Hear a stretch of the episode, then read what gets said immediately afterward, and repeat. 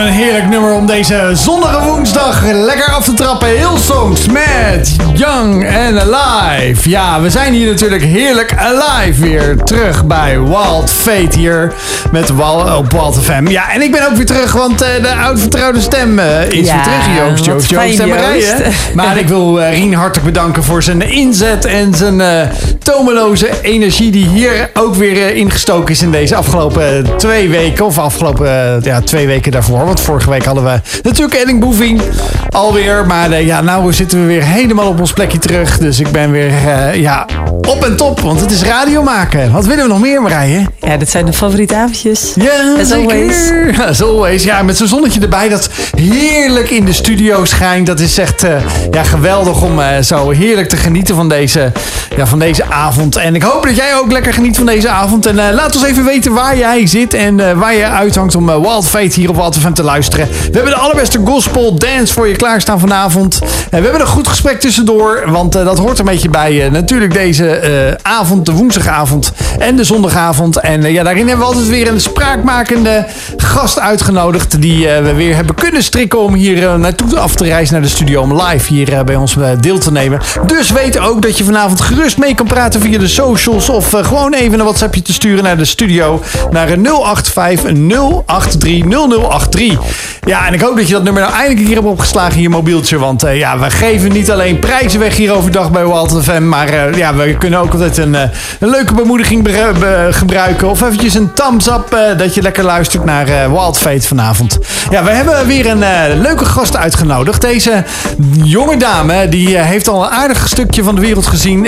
diverse continenten. Ze houdt ervan om buiten de lijntjes te kleuren, zei ze al. En ik denk ook wel dat ze juist ook weer eh, heel erg vertrouwd is om in bestaande voetstappen te stappen. Maar daarin af en toe een extra stapje te willen zetten. Om juist eh, nieuwe dingen te creëren en te realiseren. Ze houdt ervan om naar haar dromen na te jagen. Maar wel graag samen met God. En hoe dat dan precies is en wat dat precies inhoudt. Ja, dat gaan we vanavond van niemand minder dan Laura Bos horen. Welkom dat je er bent. Dankjewel. Ja, nou eh, Marije, we hebben weer een eh, volle avond. Maar we beginnen natuurlijk eventjes weer met ons Wild Fate geluksmoment. geluksmoment. Tell Ja, me ja, ja. more. Moet ik weer kiezen, Joost? Dat is soms bij tijdwijlen gewoon lastig. Maar vandaag, eh, even los dat ik net met Laura echt heerlijk hier in Amstelveen eh, in de natuur heb gewandeld. Wat echt heel erg fantastisch was. Had ik een podcastopname voor de Varaune Wouw podcast met Laurina de Visser. En zij is al eens een keertje hier in de studio geweest. Ze heeft echt een indrukwekkend levensverhaal. Dus ja, ik heb gewoon echt een hele toffe middag gehad met haar. Met een goed gesprek. Wat we ook nog opgenomen hebben voor een podcast. Dus ja, ik had echt wel. Ik zat daarna in de auto en ik dacht echt, ja, dit vind ik echt zo mooi aan het werk. Om content of eh, podcast of radio te maken. Dus eh, ja, mijn lol komt vandaag niet op. Ja, laat die, stemmen, laat die stemmen maar horen door de ether en eh, via de podcastkanalen. Leuk, leuk. Ja, en Laura, ik ben ook wel benieuwd. Heb je ook iets waarvan je zegt, ja, dat wil ik de luisteraar echt niet onthouden vanavond? Nou ja, ik denk dat iedereen het wel heeft vandaag. Maar de zon schijnt. Ik ga altijd heel goed op een dag met lekker weer. Dat je dan lekker in je autootje rijdt en naar buiten kijkt. Dat je denkt, nou, Nederland is ook gewoon heel mooi. Als het lente is en als de zon schijnt, dan wordt alles gewoon beter. Ik kan daar gewoon heel erg van genieten. Ja, nou, je hebt veel van Nederland gezien door hier eh, naartoe af te reizen. Vanuit het Groningen, het prachtige Groningen. Zeker. Fijn dat je er bent. Ja. Hey, en Joost, heb je ook iets waarvan je zegt van nou, weet je, dit is echt... Het feit dat je hier weer bent, is natuurlijk alleen al heel eh, iets om gelukkig Ja, van te zal zijn. gelukkig van te zijn. Nee, ik eh, wou bijna zeggen, ik heb het Thais gemist. Maar vanavond hadden we weer de allerbeste Thai van eh, Amsterdam en omstreken. Thai van Sky hier heerlijk voor de, voordat we begonnen eh, vanavond met deze uitzending. Want ja, als je 16 dagen in Thailand hebt gezeten, dan heb je de echte Ge- eh, geproefd. En toen zei Laura hier tijdens het eten, ja, maar dit is toch een Nederlands vleugje. Nou, ik proefde het en ik dacht, ik ben weer terug in, eh, in Thailand. Kijk. Dus uh, wat dat dan gaat, complimenten, want dan heb je de echte Thai eh, vanuit, eh, ja, vanuit Thailand, zoals ze het maken, zoals het smaakt. Dus ik zou zeker zeggen, ga eens even naar die website van eh Thai van Sky en ja, ga daar eens wat lekkers bestellen. Over bestellen besproken, ik ga niet iets bestellen, maar ik ga wel eventjes iemand bellen, een vriend van de show, want we hebben eventjes nog wat nieuws komend weekend natuurlijk. Want het festivalseizoen en de concerten zijn helemaal losgebarsten. En ik ben benieuwd wat deze man ons zo meteen eventjes gaat vertellen na Without You, Je- Jesus van Jesus Loves Electro. Culture. Without You van Jesus Love Electro. Welkom terug hier bij Wild Fate hier met ons programma Wild uh, op Wild FM. Leuk dat je luistert vanavond. En uh, ja, we hebben er weer uh, waanzinnig veel zin in natuurlijk om een toffe programma te maken. Ja, en daarin horen natuurlijk altijd vrienden van de show. ofwel, kortom, ja, als we iemand te bellen, te bellen valt, dan doen we dat ook. die mogelijkheid die gebruiken we graag om gasten die hier al eens geweest zijn of mensen die we kennen, ja, te helpen om dingen te promoten of eventjes te vertellen hoe het geweest is. Nou, wij hadden hier een keer in de uitzending niemand minder dan uh, Rivelino Richters alias uh, Black Rockstar. En hoe denk je misschien, ah ja, dat zegt me nog wel eens wat. Of ik, ik ken die man of ik ken die naam. Nou, wees niet ongerust. Ik ga zo meteen nadat ik hem heb gesproken over iets anders. In ieder geval even een nummer weer van hem draaien. Want dat is wel heel belangrijk natuurlijk om ja, hem natuurlijk ook nog weer een beetje te promoten vanavond. Want ja, hij heeft een heel gaaf concert. En ik heb hem nu aan de telefoon. Rivelino. Hey, goedenavond. Hey, goedenavond. Uh, tof dat je erbij bent. Uh, ja, tof man. Uh, ja, jij bent ja, een, een, echte, ja, ik wou zeggen, black rockstar ben je natuurlijk. Maar daar hoop je natuurlijk ook weer ten gehore te brengen. Maar ja, een van de toffe dingen die ik ook weer even aan dacht toen ik je net even inbelde. Je vertelde eventjes over ja, werk wat je doet in, de, in gevangenissen. niet alleen in Nederland, maar ook elders. Waar was dat ook weer waar je recent bent geweest? Ja, klopt. Ik ben, uh, denk ongeveer een maand geleden ben ik uh, naar Italië geweest. En uh, daar heb ik vier concerten mogen geven in vier gevangenissen. Ja. En het was heel tof. Ik mocht daar zeg maar een stuk van mijn levensverhaal delen. en met de band zeg maar, die we daar hebben, hebben we vier shows dus gespeeld. En ik heb nog mijn verhaal verteld, mijn getuigenis. En uh, ik heb ook uh, mijn boek in het Italiaans mogen vertalen en die heb ik in de gevangenis uitgeteld. Nou, heel tof. Is dat uh, boek ook in het Nederlands te koop of niet? Ja, zeker. Het boek is de keuze die je maakt. En dat is ook te krijgen op cmpublishing.nl. Oké. Okay. Nou, bedankt alvast voor deze promotie, zou ik zeggen. ja, je zei het al net eventjes, ik heb daar in die gevangenis concerten gegeven. Wat voor een soort muziek speel je zelf met je band? Um, ja, de muziek zeg maar, die daar speelde was een beetje een mix tussen uh, blues, rock, soul en rap. Oké. Ja, dus, dus uh, je, bent, je bent wel iemand die van veel markten thuis is?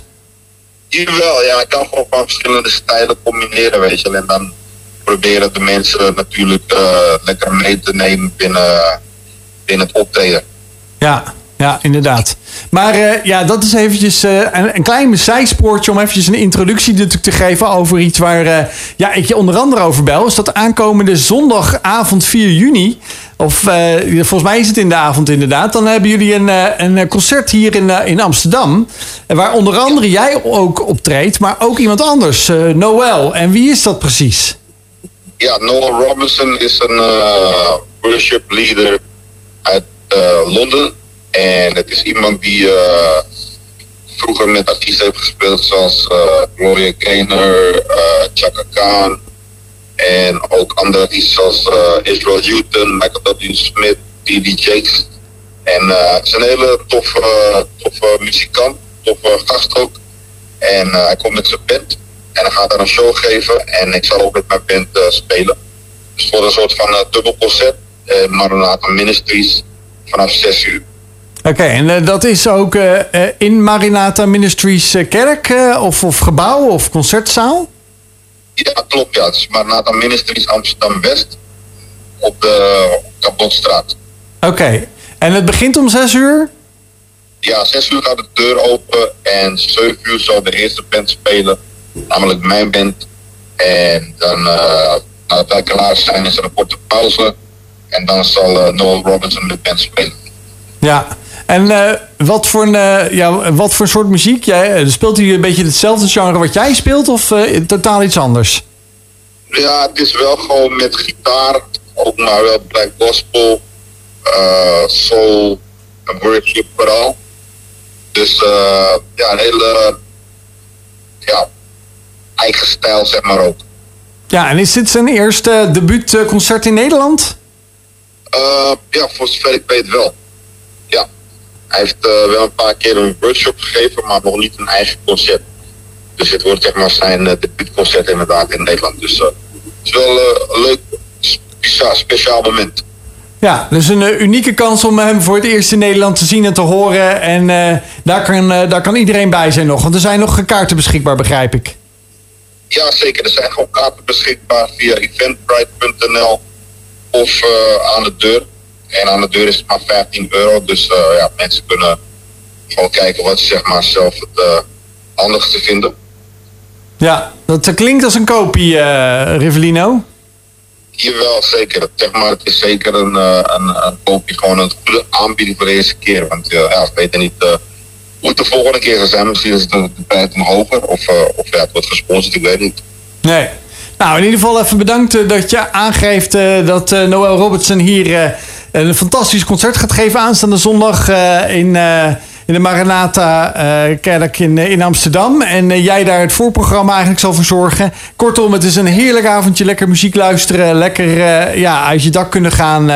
en genieten van, van goede muziek en leuke mensen om je heen.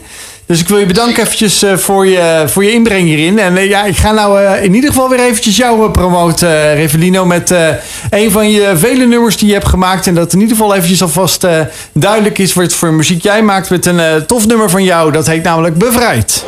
Yes, let's go met Rockstar. Ja, als je hem wil horen en live wil zien optreden... dan kan je aanstaande zondag naar eh, de Maranatha Kerk hier in Amsterdam. En daar kan je niet alleen hem horen... maar ook een dubbelconcert van eh, Noel Roberts... En hij eh, zal ook hier optreden in, eh, voor het eerst hier in Amsterdam. Hij heeft een flink track record van eh, muzikanten en mensen met wie hij samen heeft gespeeld. Dus het zal denk ik een lekker stevig concertje gaan worden. En maar 15 euro voor de kaartjes. Via Eventbrite kun je de tickets bestellen, eventbrite.nl.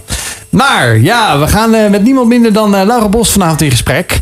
En eh, ja, we willen natuurlijk eerst eens weten, ja, wie is Laura eigenlijk? En ja, ik heb natuurlijk een beetje, als je al geabonneerd bent op de socials van Wild Fate, dan heb je, van Wild FM, dan heb je al een beetje in de, de, de voorronde kunnen zien wie ze een beetje is. En in ieder geval, dat ze naar mijn gevoel op een tropisch eiland heeft gewoond, namelijk Hawaii.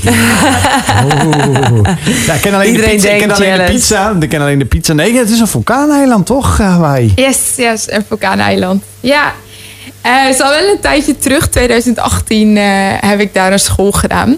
Eh, maar ja, daar, eh, als je een, andere, een ander pad in je leven volgt, dan kom je soms op eh, subtro- subtropische eilanden terecht. Het kan zomaar gebeuren. Ja. Ja. hey, maar ehm, vertel eens, wie is Laura? Wie is Laura? Nou, ik ben iemand die heel creatief is, pionierend, veel ideeën, enthousiast en eh, ja, dat eigenlijk een beetje. Heel veelzijdig eigenlijk. Ja. Ja. Dat is ook wel mooi, hè? Zeg maar, als je zegt van, hè, ik ben creatief, veelzijdig, pionierend. Dan eh, het idee wat dan bij mij gelijk omhoog reist... is dat je heel erg veel van avontuur houdt. dat klopt. Dat klopt. En, en dat werd net al een beetje aangestipt, hè? Hawaii-avontuur. Ja. Hoe is dat ontstaan? Nou, het Hawaii-avontuur, daar is het eigenlijk begonnen. Dus we hebben in de voorbereiding hadden we het er natuurlijk even over. Ehm, ja, 2018, ik studeerde. Dus aan de ene kant ben ik heel avontuurlijk en beleef hele mooie dingen in mijn leven. Maar aan de andere kant, ja, ik kom uit Groningen. Ik ben eigenlijk ook wel iemand die structuur nodig heeft en bepaalde eh, dingen. Eigenlijk ook best wel een beetje burgerlijk ben in bepaalde dingen. Ik kan heel genieten van hele kleine dingen. Dus ik heb eigenlijk twee kanten. En ehm, ja, ik was heel hard bezig, omdat ik dacht, ik wil eigenlijk overal de beste zijn. Ik wilde, ik deed heel erg mijn best op mijn studie. En toen in één keer kreeg ik een verlangen van, hé, hey, er is nog meer. En ehm, ik kreeg een, eh, een droom over, eh, en in die droom hoorde ik dat ik naar Kona moest. En toen dacht ik, ja, waar de hek is Kona? Wat is Kona? Waar is Kona? Dus ik ging een beetje googlen. En daar kwam ik achter dat daar een school was eh, voor zendelingen. Nou, zendelingen is dus, nou ja, ben christen. Het is een school eh, waar christenen naartoe gaan om getraind te worden om mensen te helpen in het buitenland of in je eigen land. Om eh, nou, eigenlijk te pionieren, om eh, maatschappelijke dingen op te lossen, om daar een antwoord voor te bieden. Om, eh, en ehm, nou, ik dacht dus met mijn opleiding, ik ga ambassadeur worden. Dus ik dacht, ik ga de politiek in of ik ga werken voor de UN. En ik was veel bezig met culturen, met antropologie, met Want wat studeerde je dan? Europese talen en culturen. En dan had ik eh, Latijns-Amerika eh, erbij. Dus ik was bezig met ehm, nou, man-vrouw verhoudingen en culturen, dat soort eh, onderwerpen. Het is heel breed ook. Ehm, ook Europese politiek, maar ook bepaalde hoe kan je erover denken. Ehm, ook wel bestudeerd van hey, wat is er gebeurd in het verleden als de Nederlanders bijvoorbeeld naar het buitenland gingen. Wat gebeurt er dan in zo'n cultuur? Nou, dat soort dingen heb ik bestudeerd. En toen kwam ik dus in Kona eh, eigenlijk op een bovennatuurlijke manier. Want ik had nog niet zoveel mensen verteld, of eigenlijk niemand verteld dat ik daar dacht dat ik daarheen moest. Want ik dacht, ja, ik kan toch niet alles zomaar loslaten. Dat is heel onverstandig, dacht ik. Dat, dat, eh, ik was al in het derde jaar van mijn studie. En uh, toen ging ik met de studieadviseur praten. En die zei, Laura, moet je eens goed luisteren. Jij bent een van onze beste studenten. Ik snap niet waarom jij hier elke keer zit voor advies. Het is helemaal niet nodig. Maar ik heb dit nog nooit tegen iemand gezegd. Maar ik denk dat jij wat anders in je leven gaat doen. En ik denk dat wat je gaat doen, dat, het, dat het gaat lukken. En ze zei, ik hoop niet dat, je, dat ik dit verkeerd zeg. Maar ik heb echt het idee dat ik dat moet zeggen. Nou, en ik had dus die droom over Kona gehad. En wat er toen gebeurde, toen kwamen er in één keer enveloppen met mijn naam erop. Zonder afzender. Met honderden euro's door mijn briefbus. Toen dacht ik, nou ja, dat, dat, dat, kan ik niet bedenken. Dus ik moet waarschijnlijk wel gaan. Ja, want naar Kona gaan, dat is niet even... eh, je, je zet even wat eh, te goed op je OV-chipkaart en, eh, en die reis naar Kona, zeg maar. Nee, dat nee, is wel echt een eh, halve volksverhuizing. Ja, en het was ook binnen drie, eh, drie weken. Hè? Dus ik pas, vond pas drie weken voordat ik zou gaan uit dat ik daarheen zou gaan. Ja, want dat was eigenlijk met de termijn dat die school zou beginnen. Ja, die school begon. Dus ik had gebeld en toen zei ze, ja, wij denken ook dat je hier moet zijn. En toen dacht ik, ja, dat is heel leuk, maar hoe kom ik daar dan? Want Ja. Lijkt me ook wel heftig. Weet je, Joost, weet je waar ik aan moet denken? Ik moet denken aan eh Dieter. Ja. Kouwmouw. We hebben een eh, interview met haar gehad. En zij heeft een boek geschreven, De Droomgever. En dit, eh, eh, nee, De Dromenvanger. Dromenvanger. Ja, De Dromenvanger. En ehm, dat is wel echt heel erg bijzonder. Want zij heeft daarin juist ook heel erg veel verteld ook over... ehm, eh, dat je dus dromen kunt dromen waarin dus God... En je zegt het was een bovennatuurlijke ervaring... eh, eh, God echt zichzelf kan laten zien aan mensen. Ook mensen die zeggen, hey, ik ken God nog helemaal niet. nee. Maar dat ze, dat ze eigenlijk hem ontmoeten. Of dat God ook door dromen tot mensen spreekt. En jij zei, ik had echt een bovennatuurlijke ervaring. Omdat ik ook nog eens heel veel geld enveloppen door de brievenbus in kreeg. precies. En wist, oh, binnen drie weken moet ik naar Kona. Of in ieder geval zou dat dan beginnen, zeg maar, die opleiding. En dan had je ook echt de indruk, ik moet gewoon gaan. Ja. Ja, het kwam niet allemaal in één keer binnen. Kijk, dat was eigenlijk om mij een beetje te bemoedigen in de goede richting. Maar toen op een gegeven moment kreeg ik heel veel geloof. Zo noemen Want we dat hoeveel, dan. hoeveel geld had je nodig? Nou, dik 10.000 euro wel. Oh joh. In totaal. En dan moest je eerst de helft betalen. In drie weken, hoppa. Ja, en toen zat ik daar. En toen moest ik nog... Want je gaat dan eerst eh, drie maanden woon je dus in Kona. En dan ging ik, daarna ging ik nog naar Afrika voor drie maanden.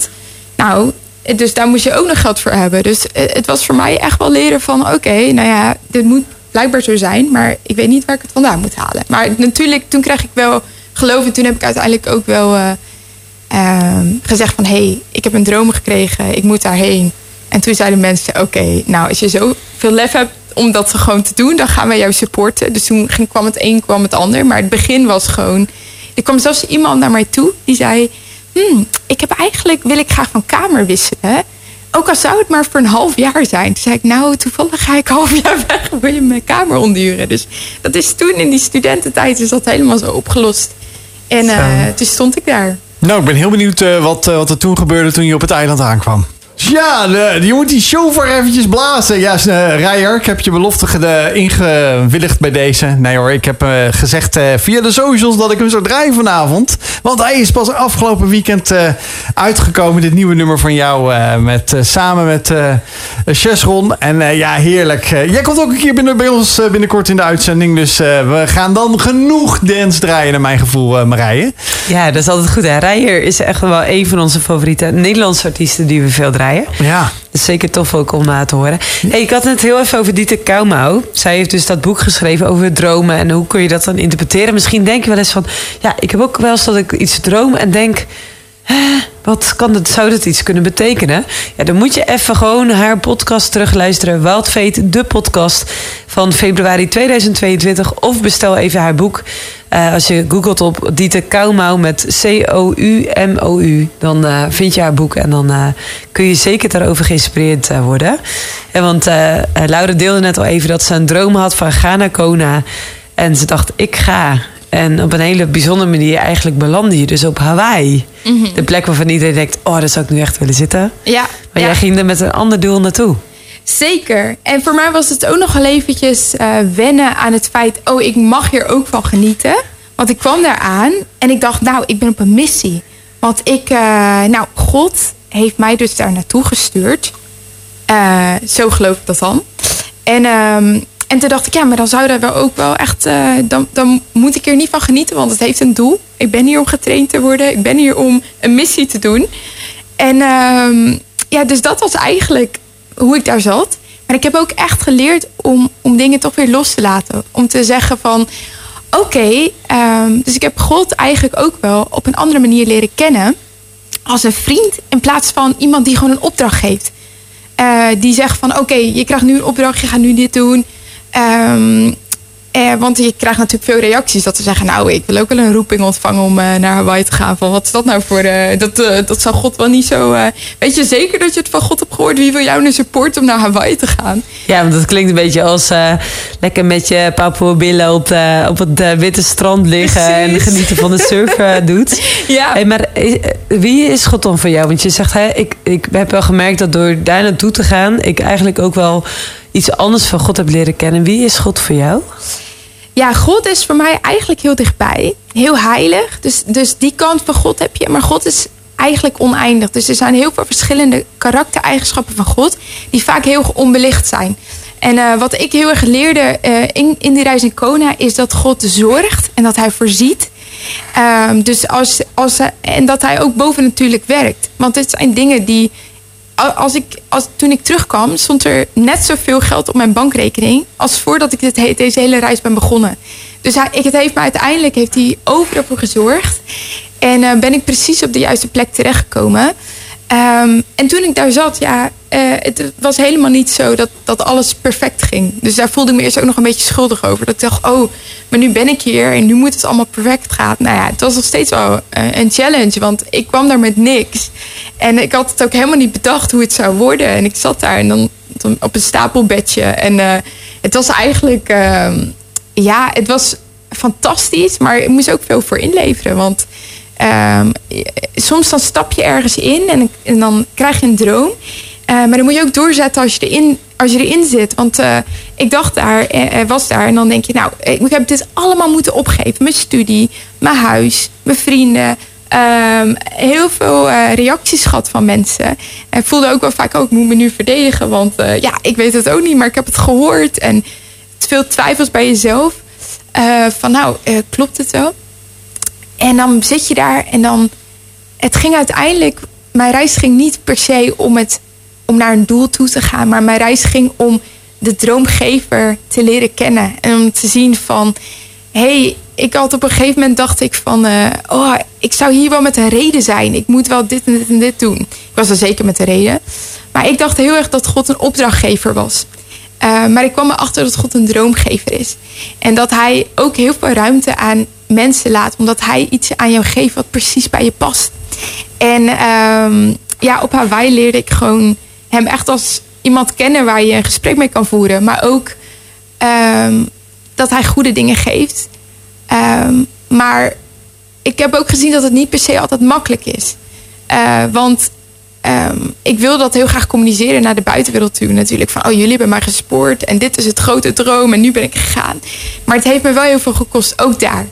Um, en dan zeg je, ja, Hawaii, dat is toch de beste plek? Nou ja, als je veel geld hebt en je bent lekker op vakantie, ja, dan is het echt fantastisch natuurlijk. Maar ja. het was uh, ook weer niet zoveel vakantie. Nou ja, het is natuurlijk ook wel zo dat daar waar je heen gaat, neem je jezelf mee. En ook de processen, wat je ook zegt. En je komt jezelf ook echt flink tegen uit, als je uit je veilige bubbel stapt. Of je bekende wereldje waarin je gewoon weet waar je aan toe bent. Ja. En als je dan op avontuur gaat, dat is altijd. Ik heb veel in het buitenland gewerkt. Joost werkt ook veel in het buitenland. Wij zeggen wel eens tegen elkaar: ja, iedereen denkt dat, oh, dan ben je op vakantie, want je bent ver weg. Maar heel vaak ben je gewoon heel hard aan het werk. Jij was aan het studeren. Ja. Uh, je, je, zit in processen van ook ja, persoonlijke ontwikkeling. Je komt jezelf ook snoeihard tegen. Ja. En eh, ik denk ook wel dat je dan ook wel erachter komt... oh ja, in sommige dingen heb ik bepaalde overtuigingen. Of dat zal elke luisteraar herkennen. Of dat je nou iets met God hebt of niet hebt. Ja. We hebben allemaal een beeld van God. En dat is zo vaak sterk.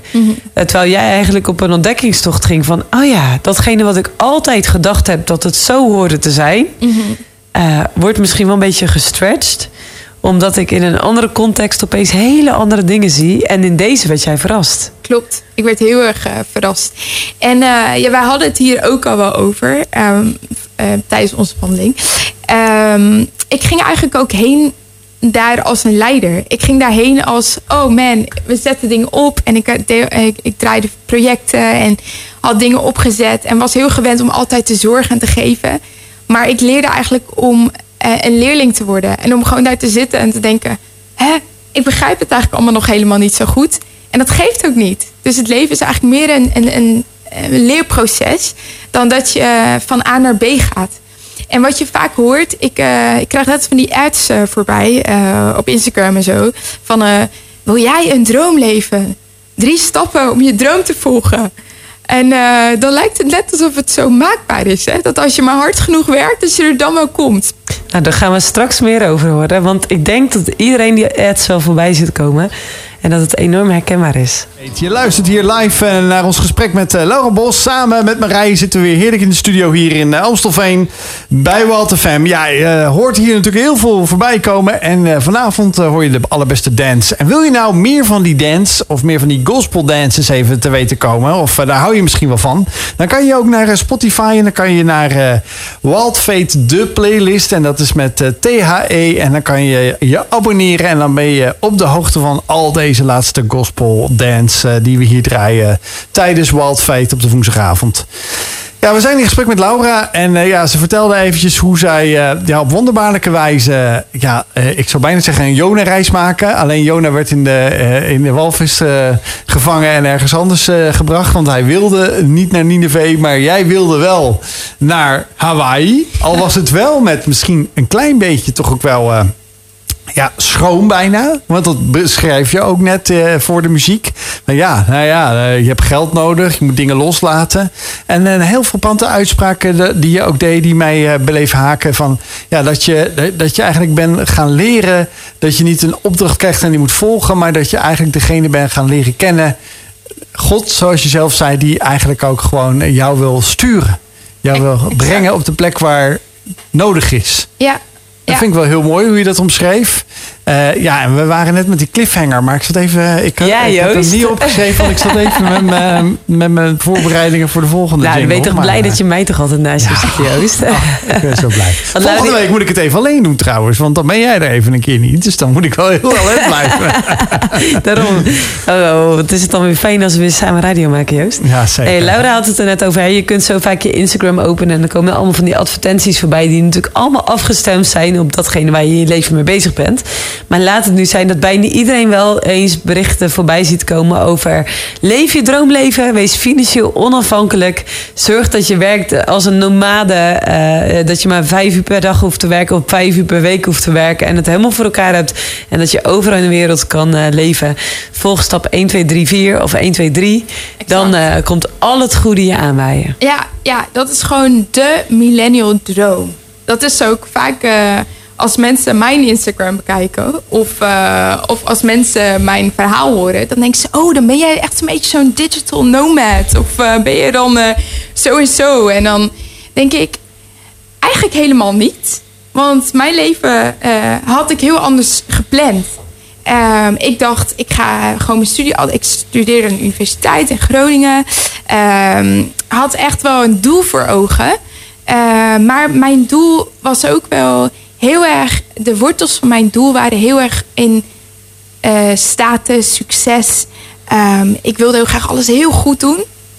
En ik zie eigenlijk dat ook in het werk wat ik nu doe, dat eigenlijk al die dingetjes die ik heb geleerd door het los te laten en door de droomgever, dus God, beter te leren kennen, dat ik daardoor eigenlijk veel meer mezelf ben geworden. En eigenlijk eh, de dingen die ik nu doe, de, de, de dingen die ik beleef, want ik heb ontzettend veel gereisd hierna. De meest recente reizen waren in Ethiopië en in Oekraïne. Dus toen de oorlog begon, ben ik daar eh, aan de slag gegaan. Eh is ook weer een bovennatuurlijk verhaal. Maar de- al die verhalen, ik kom op plekken terecht. Puur omdat ik heb geleerd om te luisteren. Op het juiste moment te gaan. En ook op het juiste moment weer terug te komen. Hoe werkt dat, luisteren? Want je zegt, hey, ik heb de droomgever God leren kennen. Ja. Ehm, hij geeft dus een droom, ga naar Kony. Of hij geeft een droom of een gedachte, ga naar Oekraïne. Ja. Eh, ga daar iets doen. Hoe, hoe kun je dan Gods stem leren verstaan? Of hoe spreekt hij dan? Of eh, hoe geeft hij dan een boodschap aan je over? Ja, dat is, dat is heel verschillend. Ehm, sommige mensen zien een beeld. Soms dan heb je een droom, letterlijk een droom. En soms is het in één keer een heel sterk verlangen om iets te gaan doen. En eh, dat met Kona, ja, dat, dat was gewoon Kona. Ik dacht, ja, ik heb nog nooit van Kona gehoord. Dus ik dacht, hey, Kona, Kona. Dus ik dacht, ga dat even opzoeken. Toen dacht ik, eh, dit kan niet wezen. Maar toen dacht ik, eh, er moet toch maar iets zijn. Met Oekraïne was het gewoon, de oorlog brak uit. En ik was, eh, ik was teruggekomen uit Amerika, waar ik werkte. En toen was ik in Nederland en toen zat ik al een tijd thuis. Toen dacht ik, nou, ik was heel erg aan het bedenken, aan het wachten van waar, welke kant gaan we nu op? Wa- wa- wat is de richting? Eh, ga ik hier in Nederland opbouwen? Eh, komt er nog iets anders op mijn pad? Ga ik terug naar Amerika? Hoe, hoe gaat dit eruit zien? En toen kwam de oorlog en toen dacht ik... Aan de ene kant geloof ik dus inderdaad dat je dus bepaalde dingen in je leven doet... die voor jou bestemd zijn. Ik geloof dan dat God bepaal, dat toen jij geboren werd en toen jij gemaakt bent... dat God een bepaald idee met je leven had. En bepaalde ingrediënten in jou heeft gestopt die die aan het ontwikkelen is. Je leven lang door. En waardoor hij jou op bepaalde plekken kan brengen. Je gaat helemaal glimmen als je dit vertelt. Ja, Gewoon echt, je gaat helemaal shinen. Voor degene die natuurlijk thuis alleen maar je stem horen. ja, Waarom eh, is het ook echt iets wat je, wat je zo raakt? Dat je zegt, hè, ja. zeg maar, ook als je nu luistert. eh, God heeft echt iets moois in jou gelegd. Ook al voel je jezelf onzeker, ook al denk je ik ben niks waard of ik heb er geen enkele vorm van betekenis in dit leven. Ja, Dat jij zegt, maar God heeft dingen in jou gelegd ja, waar hij al lang zeg maar iets mee kan. Ook al ken je God niet, ook al leef je niet met God. ja.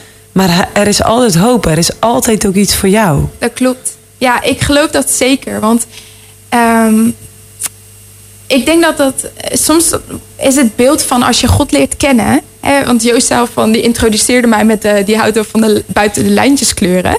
Ehm, maar eigenlijk ben ik meer gaan worden wie ik ben. Ehm, en heb ik meer kleuren omarmd. Omdat eh, in, in plaats van één kleur of één. Nou, ik zet er een hokje om, dit ben ik nou eenmaal. Ik ben meer gaan ontdekken van hey, Ehm, ik dacht dat God zo was, maar ik kom er eigenlijk achter dat God ook zo is. En ik dacht dat ik dus zo was, maar ik, er is veel meer voor mij. Ik geloof dat iedereen een bestemming heeft en dat God je gemaakt heeft en bedacht heeft. En, ehm, en, en vaak is het zo, dan halen mensen hun hele identiteit uit wat ze doen. Of ik ga nu mijn droomleven leven, dus dan ben ik mijn droomleven. Dus dan ben ik succesvol. Ik geloof dat je al succesvol bent. Je bent al succesvol, je bent al geliefd, je bent bedacht. Ehm, maar het is aan jou om te kijken, hoe ga ik dat leven invullen? Hoe ga ik, met wie ga ik wandelen? Hoe gaan we dit leven eh, in de volheid leven?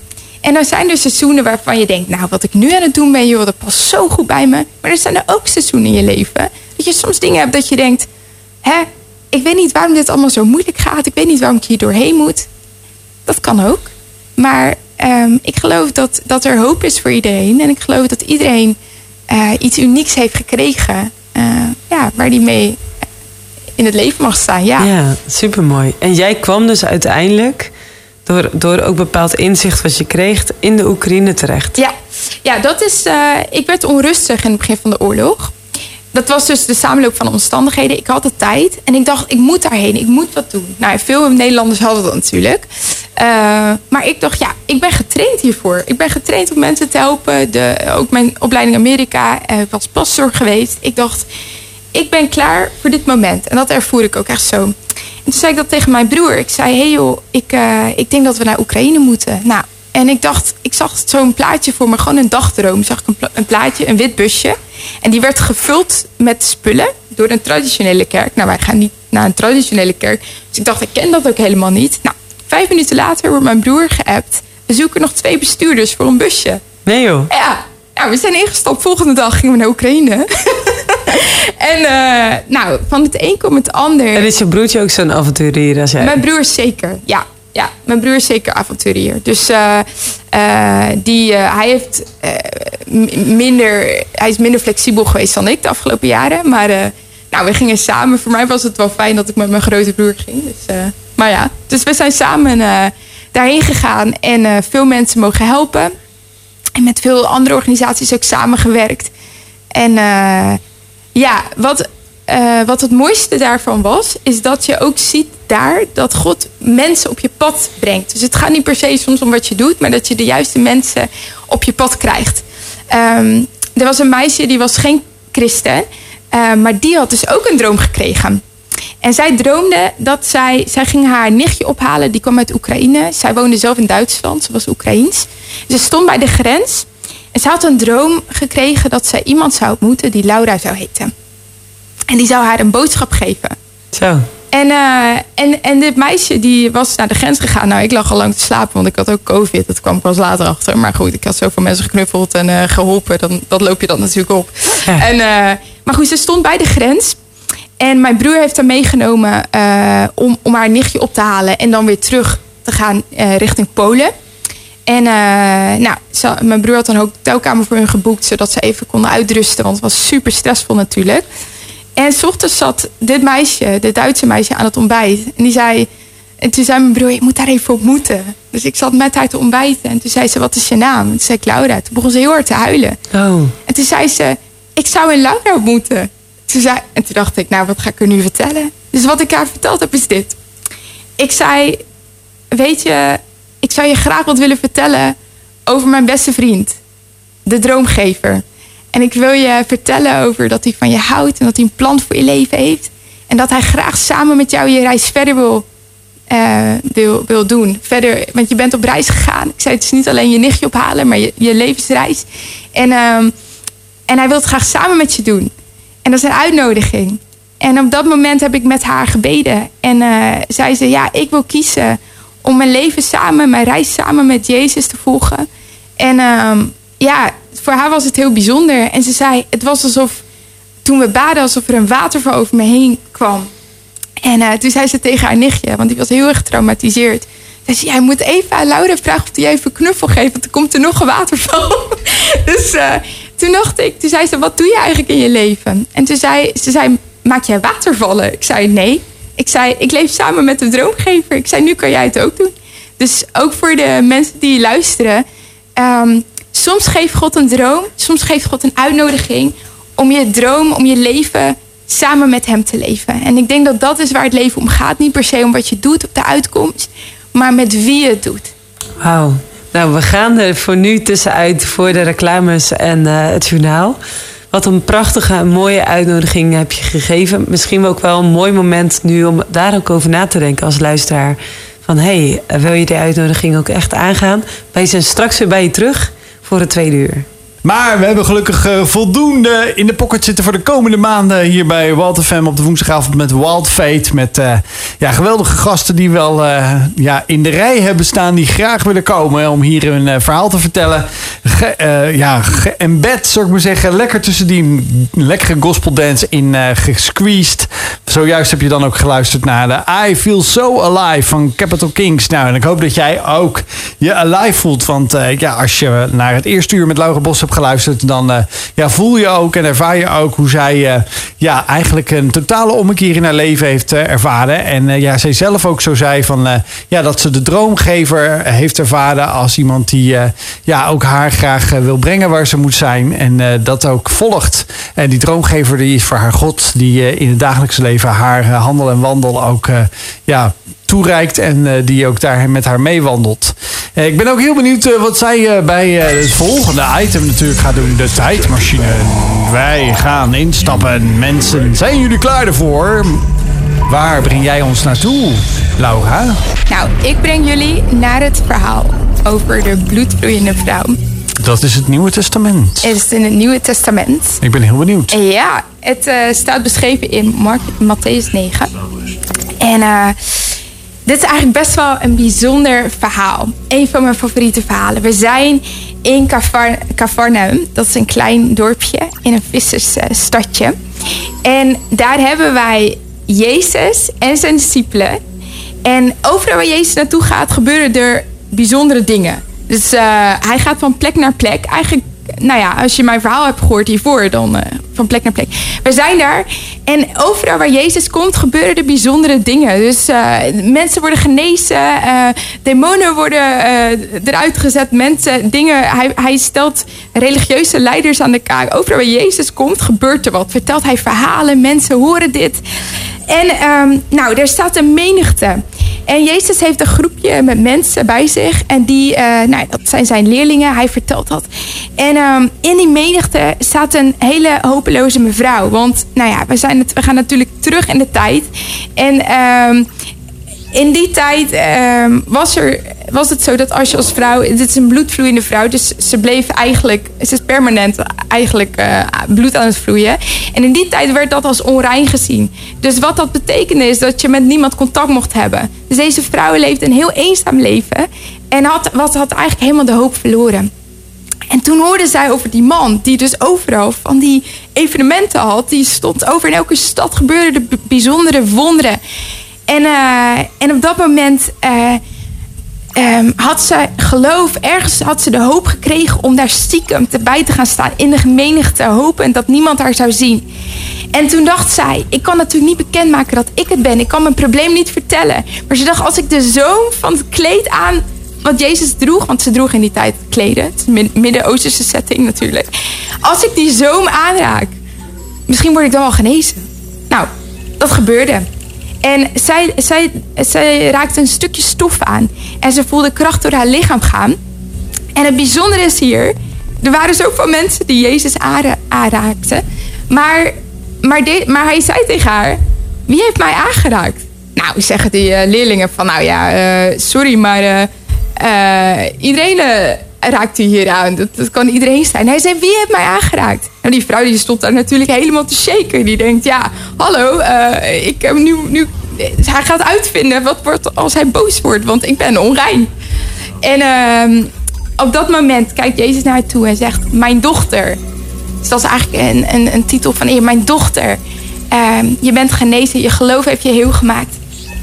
En eh, deze vrouw, eh, op dat moment dat, dat hij dat zei, dat Jezus dat zei, werd deze vrouw genezen en eh, kon ze haar leven ehm, verder eh, ja, voeren, in, ook in, in verbinding met mensen. Want zij was natuurlijk uitgestoten. Hè? Wat Jezus daar doet is niet alleen haar genezen, maar op dat moment werd ze ook genezen met, in de community waar ze zat. Want in één keer, die schaamte die zij voelde, werd in één keer van haar afgebroken. Dus eh, ja, dat is het verhaal. Dat was These Are The Days van Lauren Daigle. Nou, over een brute stem gesproken. Haar nummers zijn echt super vet. We hoorden net het verhaal van de bloedvloeiende vrouw. En nu denk je misschien wel, oh, wat een luguber vrouw. Ik, moet me echt, ik kan me er niks bij voorstellen als je alleen maar aan het vloeien bent. Dus een soort van eh, eh, altijd ongesteld bent. En de mannen denken misschien wel, oh nee, eh, echt hier wil ik helemaal niks van, bij, van mezelf voorstellen. Eh, maar dit staat op drie plekken in de Bijbel. Is echt wel een heel bijzonder verhaal. Ehm, als je het Nieuwe Testament opent, dus dat is het tweede gedeelte van de Bijbel, er staan er drie boeken: Matthäus, Marcus, Lucas, waar dit verhaal dus in opgetekend staat. Matthäus 9, Marcus 5 en Lucas 8. En dat betekent echt wel dat, dat die gasten echt wel onder de indruk waren van dat verhaal. Dat die vrouw daar dus in die menigte is. Eh, iedereen dromt om Jezus heen. Zij raakt Jezus aan en Jezus zegt: "Eh, Wie heeft mij aangeraakt? Terwijl iedereen dacht: Even serieus, iedereen heeft u aangeraakt. Uh, maar Jezus voelde dus echt dat er dus kracht uit hem wegvloeide en die vrouw genas. Ja. Per direct. Laura, waarom is dit een verhaal dat je zegt: ah, Dit wil ik zo graag delen. Dit raakt iets in mij. Of ik vind het zo'n mooi verhaal. Waarom? Ja, ik vind het echt een heel mooi verhaal. Um, omdat het heel persoonlijk wordt. Dat je in een menigte kan staan. En dat Jezus die ene vrouw ziet. In die hele grote menigte. Had iedereen kunnen genezen. Iedereen had kunnen genezen, want iedereen raakt hem aan. Maar die ene vrouw, die heeft zelf een keuze gemaakt. Van, hé, hey, als ik maar even dat die zoon van zijn kleed mag aanraken. Dan word ik genezen. Zij, had, zij, zij, heeft, zij hoorde van Jezus. Het kan ook zijn dat je nu luistert. En denkt van, ik heb wel eens over Jezus gehoord.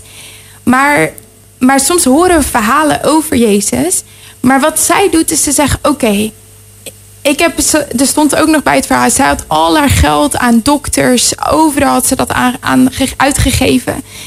En ze zei, dit is mijn laatste hoop. Ik ga, ik ga die stap zetten. Ik ga in ieder geval dit proberen. En, ehm, en dus dat vind ik mooi. Dus zij maakt echt een keuze. Dat ze zegt, nou, ik ga het in ieder geval proberen. Ehm, en daarnaast wat ik mooi vind aan het verhaal is dat eh, ook de sociale kant. Want zij zat in een compleet sociaal isolement. Zij had compleet, ehm, ze werd echt verstoten door, door de maatschappij. En had dus ook weinig contact. Ook waarschijnlijk niemand om hiermee over te praten. Ehm, en dan Jezus die ook nog een man is. En ook nog een leraar. Dus compleet in die context is het gewoon compleet niet gepast. Dat Jezus dan die vrouw geneest. En dat ook nog publiek maakt. Dus hij, het is niet van, oh, even achter een hoekje of zo. Van, oh, oh, ik heb het wel gezien hoor. Nee, nee, nee. Hij stopt haar. En zij wa- valt bevend voor hem neer, eh, staat er. eh, in een soort van, oké, hij zou wel boos op mij worden. Want eh, ik heb hem aangeraakt terwijl hij een heilig man is en ik niet. En de, en de reactie van Jezus. Mijn dochter, je geloof heeft je genezen. Nou, dat is toch fantastisch. Dan kan je toch het karakter van God zien. Dan denk je toch, mocht je nog denken van... nou, God zou echt wel boos op me zijn... want ik heb dit en dit allemaal verkeerd gedaan. En dan, dan kan je aan dit verhaal ook zien dat, dat God je ziet waar je zit in je pijn... in alles wat je mee hebt gemaakt. Misschien voel je wel eenzaam, misschien heb je wat depressie. Nou, die vrouw zou er ook wel niet mentaal heel goed bij zitten... want als je zo lang niemand hebt gesproken... en zo ziek bent, zo zwak voelt... ja, dat... dat eh, Misschien, eh, misschien heb je niet dezelfde aandoening, maar misschien heb je wel, voel jij je wel zoals die vrouw. En ehm, ik weet niet, ik, ik denk dat, dat God ook tegen jou wil zeggen van... hé, hey, ik ben hier. Wil jij de zoom van mijn kleed aanraken? Ja, het is wel echt heel bijzonder dat je dit verhaal ook zo uitkiest. Hè. Ik moest ook even denken aan onze eerste uur waarin je ook deelde over... We hebben dan, zeg maar, je hoeft Instagram of wat voor social media ook gebruikt met te openen. En er zijn allemaal stappenplannen naar geluk, naar je droomleven. Naar, zeg maar, er worden allerlei dingen beloofd waarin jij zei... eh, het leven lijkt wel maakbaar. Ja. Ehm, waarbij het dus dan ook zo is, als je leven niet zo succesvol is, dan is het ook jouw schuld. Dat is dan het gevolg. Ja. Als je zelf verantwoordelijk bent voor jouw succes. Wat in Ja. onze maatschappij gewoon, dat is gewoon de, de, de overtuiging. Hè? Eh, visualiseer het, maak er werk van. Ja, alles ligt binnen je bereik. Dus als je het niet haalt, is het jouw probleem. Mhm. Ja. Dan heb je zelf niet hard genoeg gewild, heb je zelf niet hard genoeg gewerkt. Ja. Terwijl de realiteit is dat er dingen in je leven kunnen zijn waardoor je dus ontkracht bent, zoals deze vrouw. En dat je zegt, wat er ook in je leven is, eh, Jezus ziet jou gewoon. Hij kent jou, hij weet wat er door je heen gaat. En hij noemt jou zijn zoon of zijn dochter. En dat is misschien wel de belangrijkste essentie als je vanavond ook luistert, of op een ander moment luistert, dat je dat weet. Van hoe ik me ook voel, wat er ook in mijn leven speelt, wat er ook gebeurd is, wat mensen mij ook aangedaan hebben, hoe mijn levensomstandigheden op dit moment zijn. Er is een God en die zegt: Jij bent mijn geliefde kind. Yes. Ik wil me verbinden met jou. Key Brazil met Coe Bueno. Ja, als het gaat over ritmes en als het gaat over een bepaalde manier van muziek maken.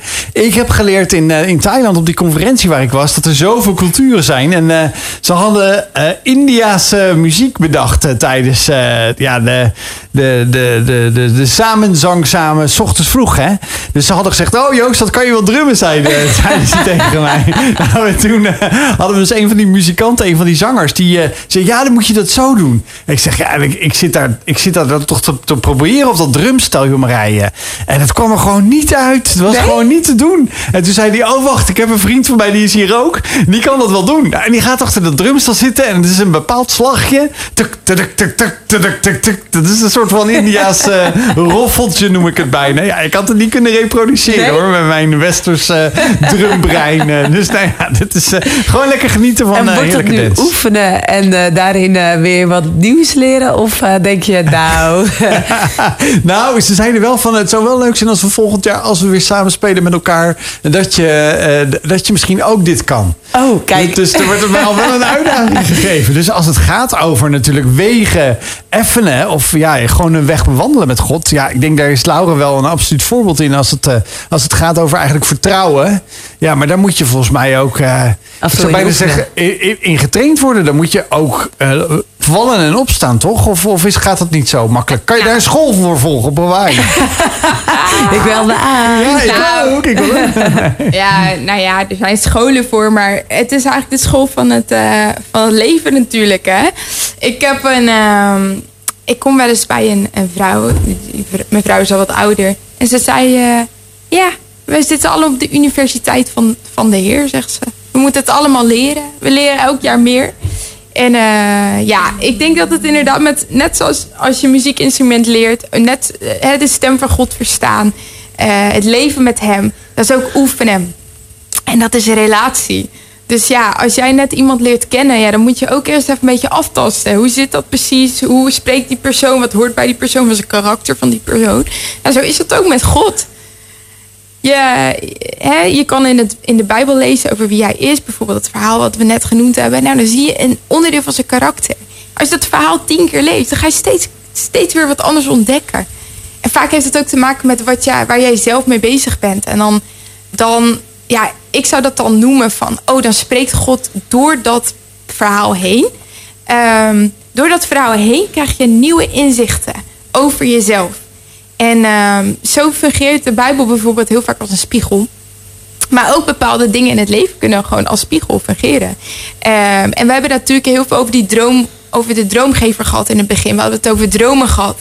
En eh, over dat stappenband van eh, drie stappen om een succesvol leven te hebben. Eh leef je nomade droomleven. Ehm, en we hebben het dus over gehad van nou, je kan dat dus ook, je kan ook leven met God. En ik had al genoemd, God is niet alleen mijn opdrachtgever, maar hij is ook een vriend.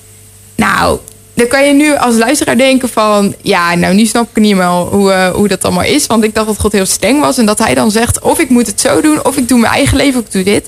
Ja, een beetje de man met de baard en de stok in de hemel. Precies. Je hebt zeg van maar die dat beeld, plaatjes. zeg maar. Ja. je hebt heel veel plaatjes over, zeg maar, over hoe God zou zijn. Is hij dan als een Sinterklaas of is die ja. eh, zeg maar als een, eh, als een boze man, zeg maar, die af en toe wat bliksem naar beneden dondert, letterlijk. ja. En daarin dan ook zeg maar te ontdekken, maar hoe, hoe zie ik dat eigenlijk voor me? Zeg maar? als, ik, als ik een beeldenis maak van God, of een voorstelling maak van wie hij zou zijn, hoe ziet dat er eigenlijk uit? Of hoe kijkt hij dan naar me? Dat is ook een hele mooie vraag. Hè? Want als je kijkt naar die vrouw, die, die bloedvloeiende vrouw, hoe zou Jezus naar haar gekeken hebben? Ik bedoel, Ja. Ze zit ook op de grond en eh, ik denk dat ze naar de grond keek in plaats van naar hem. Maar wat als ze hem in de ogen had gekeken, wat had ze dan gezien? Ja. Nou ja, Hester werd hersteld in, op dat moment. Dus ik denk dat ze heel veel liefde heeft ervaren. En eh, eigenlijk heel veel bevestiging. Want wat hij ook doet, is hij noemt haar dochter. Als iemand die eigenlijk niet eens met, bij naam werd, omdat hij onrein was, werd genoemd. En dan dochter worden genoemd. Wat je dan doet, is dat je eigenlijk waarde aan iemand geeft. Ik denk dat Jezus en dat God dat doet. Hij geeft waarde aan jou. Ehm, maar kijk, in dit hele droomverhaal. Dit, dit is dus waar, waar, er, waar, waar er een verschil ligt tussen het stappenplan en het leven met God. Als jij een stappenplan volgt en God er een beetje, nou ja, het spirituele een beetje bij betrekt, dan ben je het alsnog zelf aan het doen. Ehm, maar als je echt een reis met God wil doen, zoals ik heb gevolgd, dan moet er eerst een besef zijn van, net zoals bij die vrouw, van mijn leven is eigenlijk niks zonder dat ik eh, in ere ben hersteld. Mijn leven was niks voordat Jezus in mijn leven kwam. En hoe bedoel je dat? Hoe, hoe kun je dat zien nu ook in je leven? Ik zie, wat ik zie in mijn leven is, ik geloof dat als God niet in je leven is, als je niet een keuze hebt gemaakt, zoals zij heeft gedaan, zij heeft een keuze gemaakt om, om dat kleed aan te raken. Dat was voor haar best wel een stap om het aan te raken. Ehm, ze heeft Jezus hand letterlijk gepakt. Ik denk, ik denk dat, je, dat je uiteindelijk dan vastloopt. Dan kan, misschien heb je op een gegeven moment je nomade droomleven. Misschien ben je naar Hawaii geweest en heb je hele mooie Instagram foto's. En misschien heb je de baan, misschien heb je het geld. Maar uiteindelijk, wat heb je daaraan? Kijk, eh, zoals ik al eerder vertelde, ik ben in Oekraïne geweest. Hoeveel mensen ik daar wel niet heb ontmoet. Die zeiden, Laura, ik had alles. Ik had mijn droomleven. Ik had een mooi huis. Ik had het allemaal mooi voor elkaar. Eén bom, weg. Zei ze, kun je mij vertellen? Jij hebt hoop. Wat is die hoop? Ja. Zei, dat is Jezus. Die heeft mijn leven veranderd. En Zo, dat is wel, ja, dat is echt wel. Dat, dat of dat je nou de spullen hebt of je hebt ze niet, is je basis, zeg maar, eigenlijk het fundament waar je leven op gebouwd is, dus iets anders. Ja, ja, Of het goed gaat in je leven of niet, of dat het eh, moeilijk is in je leven of niet. Eigenlijk is het vertrekpunt anders, omdat je de dingen die je doet wellicht voor iets anders doet. precies. Ja, ik herinner me een eh, verhaal. Misschien, ik ben ook wel benieuwd, Joost, of dat je dat ook wel eens eh, gesprek over hebt gehoord of zo. Maar dat ik een verhaal las van een man, zeg maar, die dus alles had bereikt. Helemaal de, de carrière top eh, ladder had eh, betreden. En zeg maar, uiteindelijk zeg maar, dat bereikt waarvan iedereen zegt: ja, daar werk, daar werk je naartoe. Als je dat hebt behaald, dan eh, ja, heb je het gemaakt. Dan heb je geluk. En hij was daar en hij voel, ervaarde dat het zo eenzaam, eh, betekenisloos. Dacht echt: waar heb ik al die offers voor gebracht in mijn leven? Is dit het nu, zeg maar? Wat een lege boel. Ja. En dat hij eigenlijk dacht van ja, zeg maar, waar, waar leef ik dan eigenlijk voor? En dat ik dat echt wel, die realisatie, we kunnen zo denken, zolang ik maar geld heb of succes heb of een groot huis of een dikke auto of als ik dit of dit of dit of als ik maar zo min mogelijk uur werk of financieel Ja. onafhankelijk ben en het allemaal goed voor elkaar heb, dan komt alles goed. Een soort Ja. van daar naartoe streven, want dan, dan komt het gelukje tegemoet. Maar de vraag is of dat het daar echt te, te, te vinden is. Ik geloof namelijk dat je altijd tot de conclusie komt: is dit alles? Oeh, Nee, maar dat is het ook niet. Want je hoort ook eh, daadwerkelijk dat mensen, hoe rijker ze worden, hoe eenzamer ze worden. Ja, Want ze zijn heel erg bang dat iedereen die maar enige vorm van eh, vriendschap zou willen aanknopen, dat niet doet voor wie zij zijn. Hè, dus let op, wie, wie zij zijn. Hè, dus de, hun identiteit, maar om hun geld gaat. Ja. Dus dat ze iets willen hebben van hun. Ja. Dus, dus moet je nagaan. Dus, dus eigenlijk geeft rijkdom eigenlijk heel veel eenzaamheid. Dus, dus dan kan je nog alles hebben. Dan kan je nog die 1, 2, 3 baan hebben. En dat je 40 uur eh, naar 5 uur per dag gaat.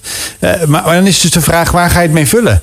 Ja, de eerste jaren kan je misschien de wereld over reizen. En dan eh, heb je die mooie auto voor de deur. Maar met wie wil je dit delen? Hè, met wie wil je uiteindelijk dit doen? En eh, ja, naar mijn gevoel, eh, kijk, je kan wel zeggen, je, je, je neemt niks van dat alles mee. Maar dus de vraag is van wie, wie, wie, gedenken we als iemand daadwerkelijk overlijdt? Is dat die eenzame man die alles had?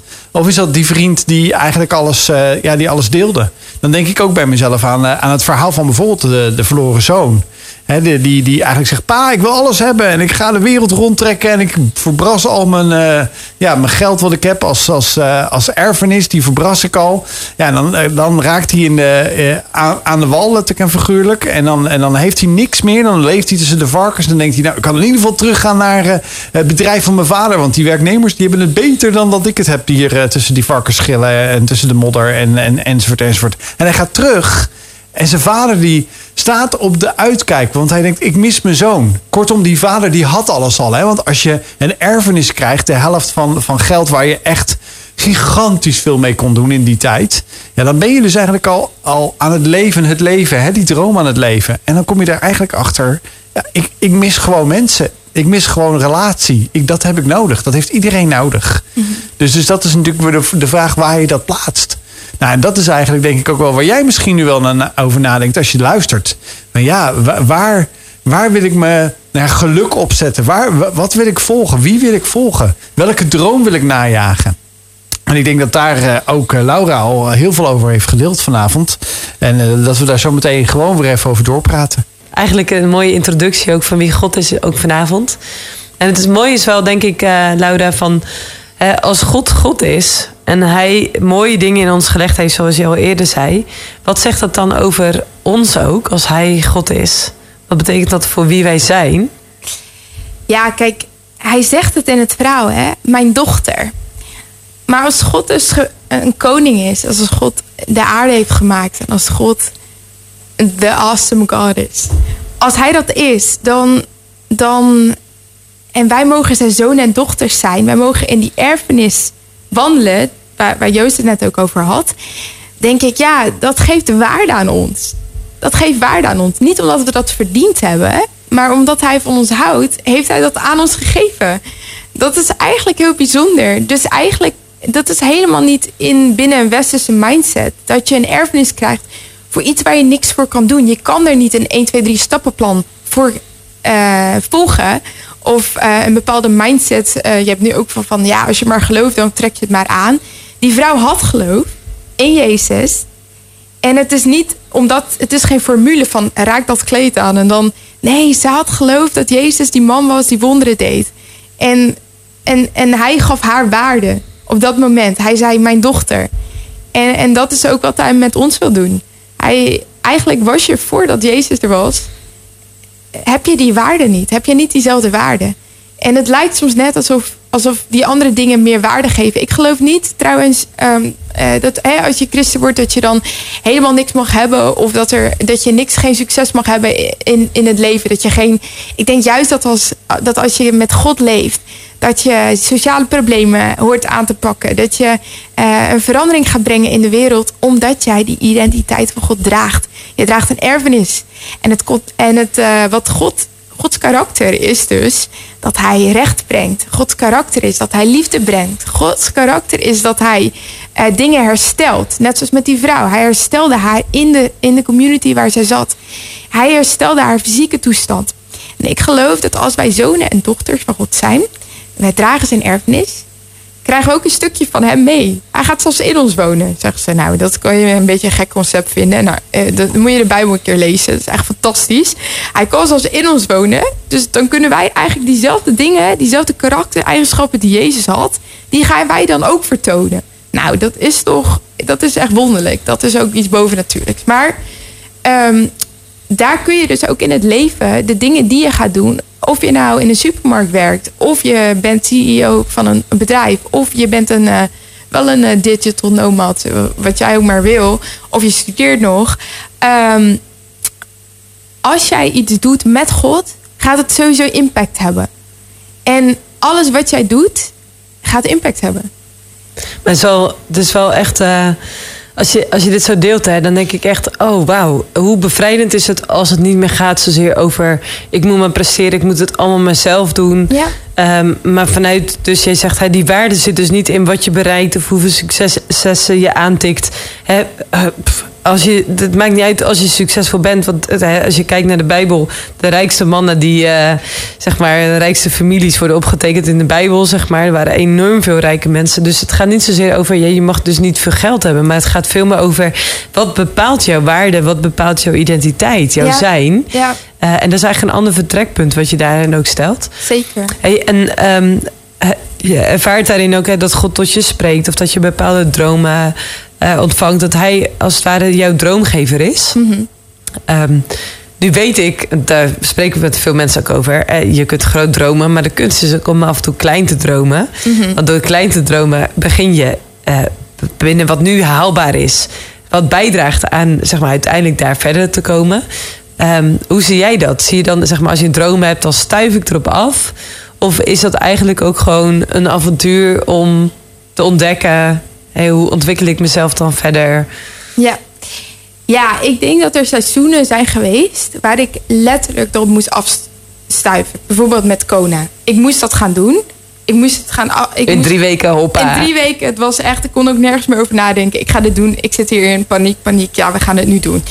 Um, maar er zijn ook momenten in mijn leven dat ik, um, dat, ik dat minder zie. Uh, maar die, die seizoenen, ik noem ze dan maar seizoenen. Je hebt ook uh, in, de, in de natuur natuurlijk ook heel veel seizoenen. En die boom wordt echt niet zo sterk uh, als je alleen maar zomer hebt of alleen maar winter. Die, die, die gaat niet groeien. Je hebt alle seizoenen nodig om te groeien en om ook in die droom te groeien. En um, waar we het ook al hadden van, over hadden van, kijk, het ding is dat je samenwerkt met iemand. God weet precies hoe jij op die plek terecht moet komen. En uh, dat geeft ook wat minder druk, denk ik. Want uh, je bent al oké met jezelf. God is al blij met je. Ik weet dat God al blij met me is. Of ik nou die droom, hè, of ik dat nou ga doen of niet. Maar hij vindt het nog belangrijker dat ik in die droom ga wandelen dan dat ik dat zelf doe. Dus ik hoef helemaal niet aan God te bewijzen van... oh, ziet u wel? Nou, kijk, ik, uh, ik doe heel goed mijn best. Nee, hij is al zo blij met mij. Alleen het en met jou ook. Um, maar het is meer, um, ik denk, het is niet zo'n lineair iets in de, wat je ook ziet in de Bijbelverhalen, is dat, dat ze heel anders denken. Ze denken meer in seizoenen, ze denken meer in, ja, ze noemen dat eigenlijk holistisch denken. Is dat het meer in, het heeft met meerdere processen te maken in plaats van, oké, okay, ABC, dit is mijn droomleven. Nee, alles wat je meemaakt heeft uiteindelijk tot doel maakt uiteindelijk jouw persoon. En ik denk ook dat je er vrijheid in hebt. Want kijk, God is niet, zoals ik al eerder zei, God is niet iemand die zegt van oké, dit moet je gaan bereiken nu, dit is nu de opdracht. Soms geeft hij wel een, een bepaalde opdracht voor een seizoen. Maar het is niet zo van, nou, ik hoop eh, maar dat je het redt en ik eh, zie je daar wel bij de eindstreep. Nee, zo is God niet. Hij gaat je helpen ondertussen. Ehm, en sommige dingen zijn vrij in te vullen in je leven. En die gaat God ook gebruiken. Zolang je maar beschikbaar bent en zegt, nou, God, eh, ik weet dat u weet wat het beste voor mij is. Eh, maar ik heb deze opties. En als je vanuit vrede en vanuit relatie met hem gewoon dingen gaat aanpakken die je gewoon in je dagelijks leven tegenkomt. Uiteindelijk ga je terugkijken op de vorige periode en dan denk je, nou, als ik dit niet had gedaan, dan was ik daar niet terechtgekomen.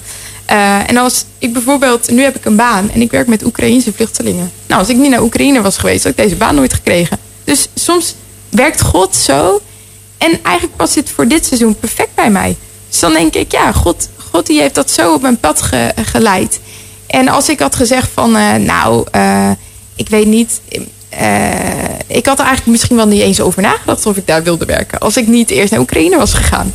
Ja, ik ben ook enorm benieuwd wat je droom is eigenlijk voor, ja, voor de toekomst. Of iets waarvan je zegt, daar zou ik ook nog heel graag naartoe willen gaan. Maar we gaan nu eerst luisteren naar Set Me Free van Soika. Soika met Set Me Free hier bij Wild FM met ons programma Wild Fate op de woensdagavond. En we zijn in gesprek met Laura Bos. En uh, ja, zij heeft het afgelopen twee uur al heel duidelijk gemaakt van ja, hoe God als ja, dromengever eigenlijk ook. En uh, uh, ja, ze dat ook uh, ervaart als een richting in haar leven. hoe ze dat ook heeft ervaren. Hoe ze dat ook heeft mogen zien en horen, letterlijk en figuurlijk. ook met de dingen die ze uitdraagt. En dat ze daarin ook stappen neemt in geloof. Ook stappen uitstapt. En ja, daarin Marije eigenlijk ook vroeg voor de, voor, voor de muziek van... ja, 2023 zouden we misschien niet helemaal zeggen, want dat is al bijna halverwege. Maar uh, ja, wat zijn je dromen voor de komende tijd, Laura? Ja, dit, dit seizoen is een beetje anders dan de andere. Ik, ik had in één keer, ik dacht, ik wil ook eigenlijk een plek om terug te komen. Want ik ben heel veel uitgegaan, dus veel landen gezien. recent was ik dus in Afrika. Nou, dan komt mijn hart natuurlijk helemaal tot leven. maar ik dacht, hé, hey, ik heb eigenlijk ook een verlangen om in Nederland iets te bouwen. Dus een plek te hebben. Nou ja, ik kom uit Groningen, dus... Uh, en dit is ook weer een mooi verhaal. Want ja, de huizenmarkt is nou niet zo goed nieuws uh, momenteel. Maar uh, ik heb toch een appartementje kunnen bemachtigen. Wauw. Ook in vrij korte tijd. Dus ik ben super dankbaar daarvoor. Dus, nou, dus nu wordt het eigenlijk um, bouwen hier. En natuurlijk komen er missiereizen aan. En ben ik met verschillende projecten bezig. En wat is een missiereis? Een missiereis is dus, um, nou, uh, om een voorbeeld te geven, ik ben naar Oekraïne gegaan. Ik voel, eh, ik ervaar van God wil me ergens hebben. En als ik daar kom, eh, soms is het spreken, soms is het met mensen praten. Eigenlijk is het ook weer een reis met God, een avontuur met God. Van Heer, ik ben beschikbaar. Welke mensen wilt u op mijn pad brengen? Met welke mensen mag ik spreken? Welke mensen mag ik bemoedigen? Dus echt, je stapt er gewoon heel blanco eigenlijk in. Ja.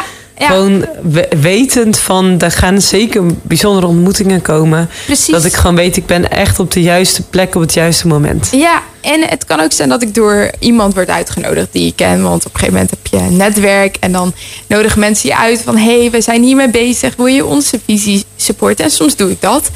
Um, maar dat ligt... Um, ik dacht, ja, ik wil eigenlijk ook wel ergens iets hebben om naar terug te komen. Zodat je ook weer ja, beter kan uitgaan. Dus dat is, dat is dit seizoen. Maar ja, missiereizen, uh, dat, dat is eigenlijk wat, wat, ik dan doe op zo'n missiereis. Ja.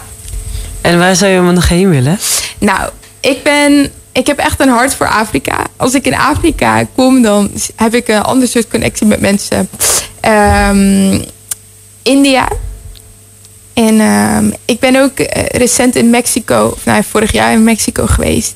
En uh, daar had ik ook echt hele mooie connecties met vrouwen. Uh, waarvan ik dacht, hé, hey, hier kan ik in de toekomst waarschijnlijk ook nog wel iets betekenen. Maar ik wacht dat gewoon af. Ik, kijk, ik doe eigenlijk niet dingen voordat ik zeker weet dat ik, dat ik er echt heen moet. En is, is vrouwen ook echt wel een doelgroep waarvan je merkt... ja, die hebben wel echt een bijzonder plekje ook in mijn hart? Zeker, zeker. Vrouwen, kinderen, nou mannen eigenlijk ook wel. Eigenlijk ook gewoon... Maar wat je vaak ziet, ook bijvoorbeeld in Latijns-Amerika, ehm, bijvoorbeeld wat ik zag in Mexico, is dat je eh, als vrouw heb je daar gewoon een andere soort challenges, andere soort moeilijkheden dan wat wij hier hebben.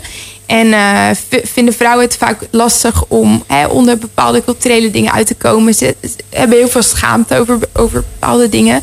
Ehm, nou ja, vorige keer waren we in een drugskliniek en eh, is er veel misbruik? Is er veel, zijn er veel dingen gebeurd?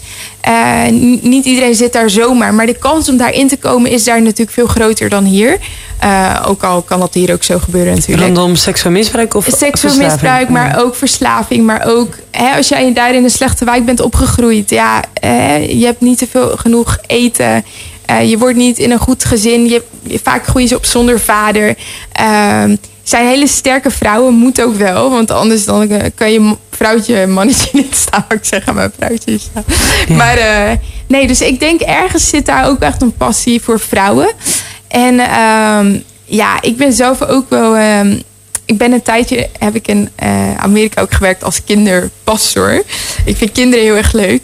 En ja, ik weet niet, er is altijd een connectie ook met kinderen. Maar goed, als je vrouw hebt, heb je vaak ook kinderen. Dus het is wel echt, eh, we kunnen nog vele avonturen van eh, Laura zeker. ja, gaan eh, verkennen. Ook wel nou, de reizen die je ook met, daarin met God ervaart. En eh, ja, een stukje eh, dromen die je gaat na, naleven of uitleven. ja, ja. Eh, is ook echt wel heel erg bijzonder. Kunnen mensen op, op een bepaalde manier ook op de hoogte blijven van datgene wat je allemaal gaat ondernemen?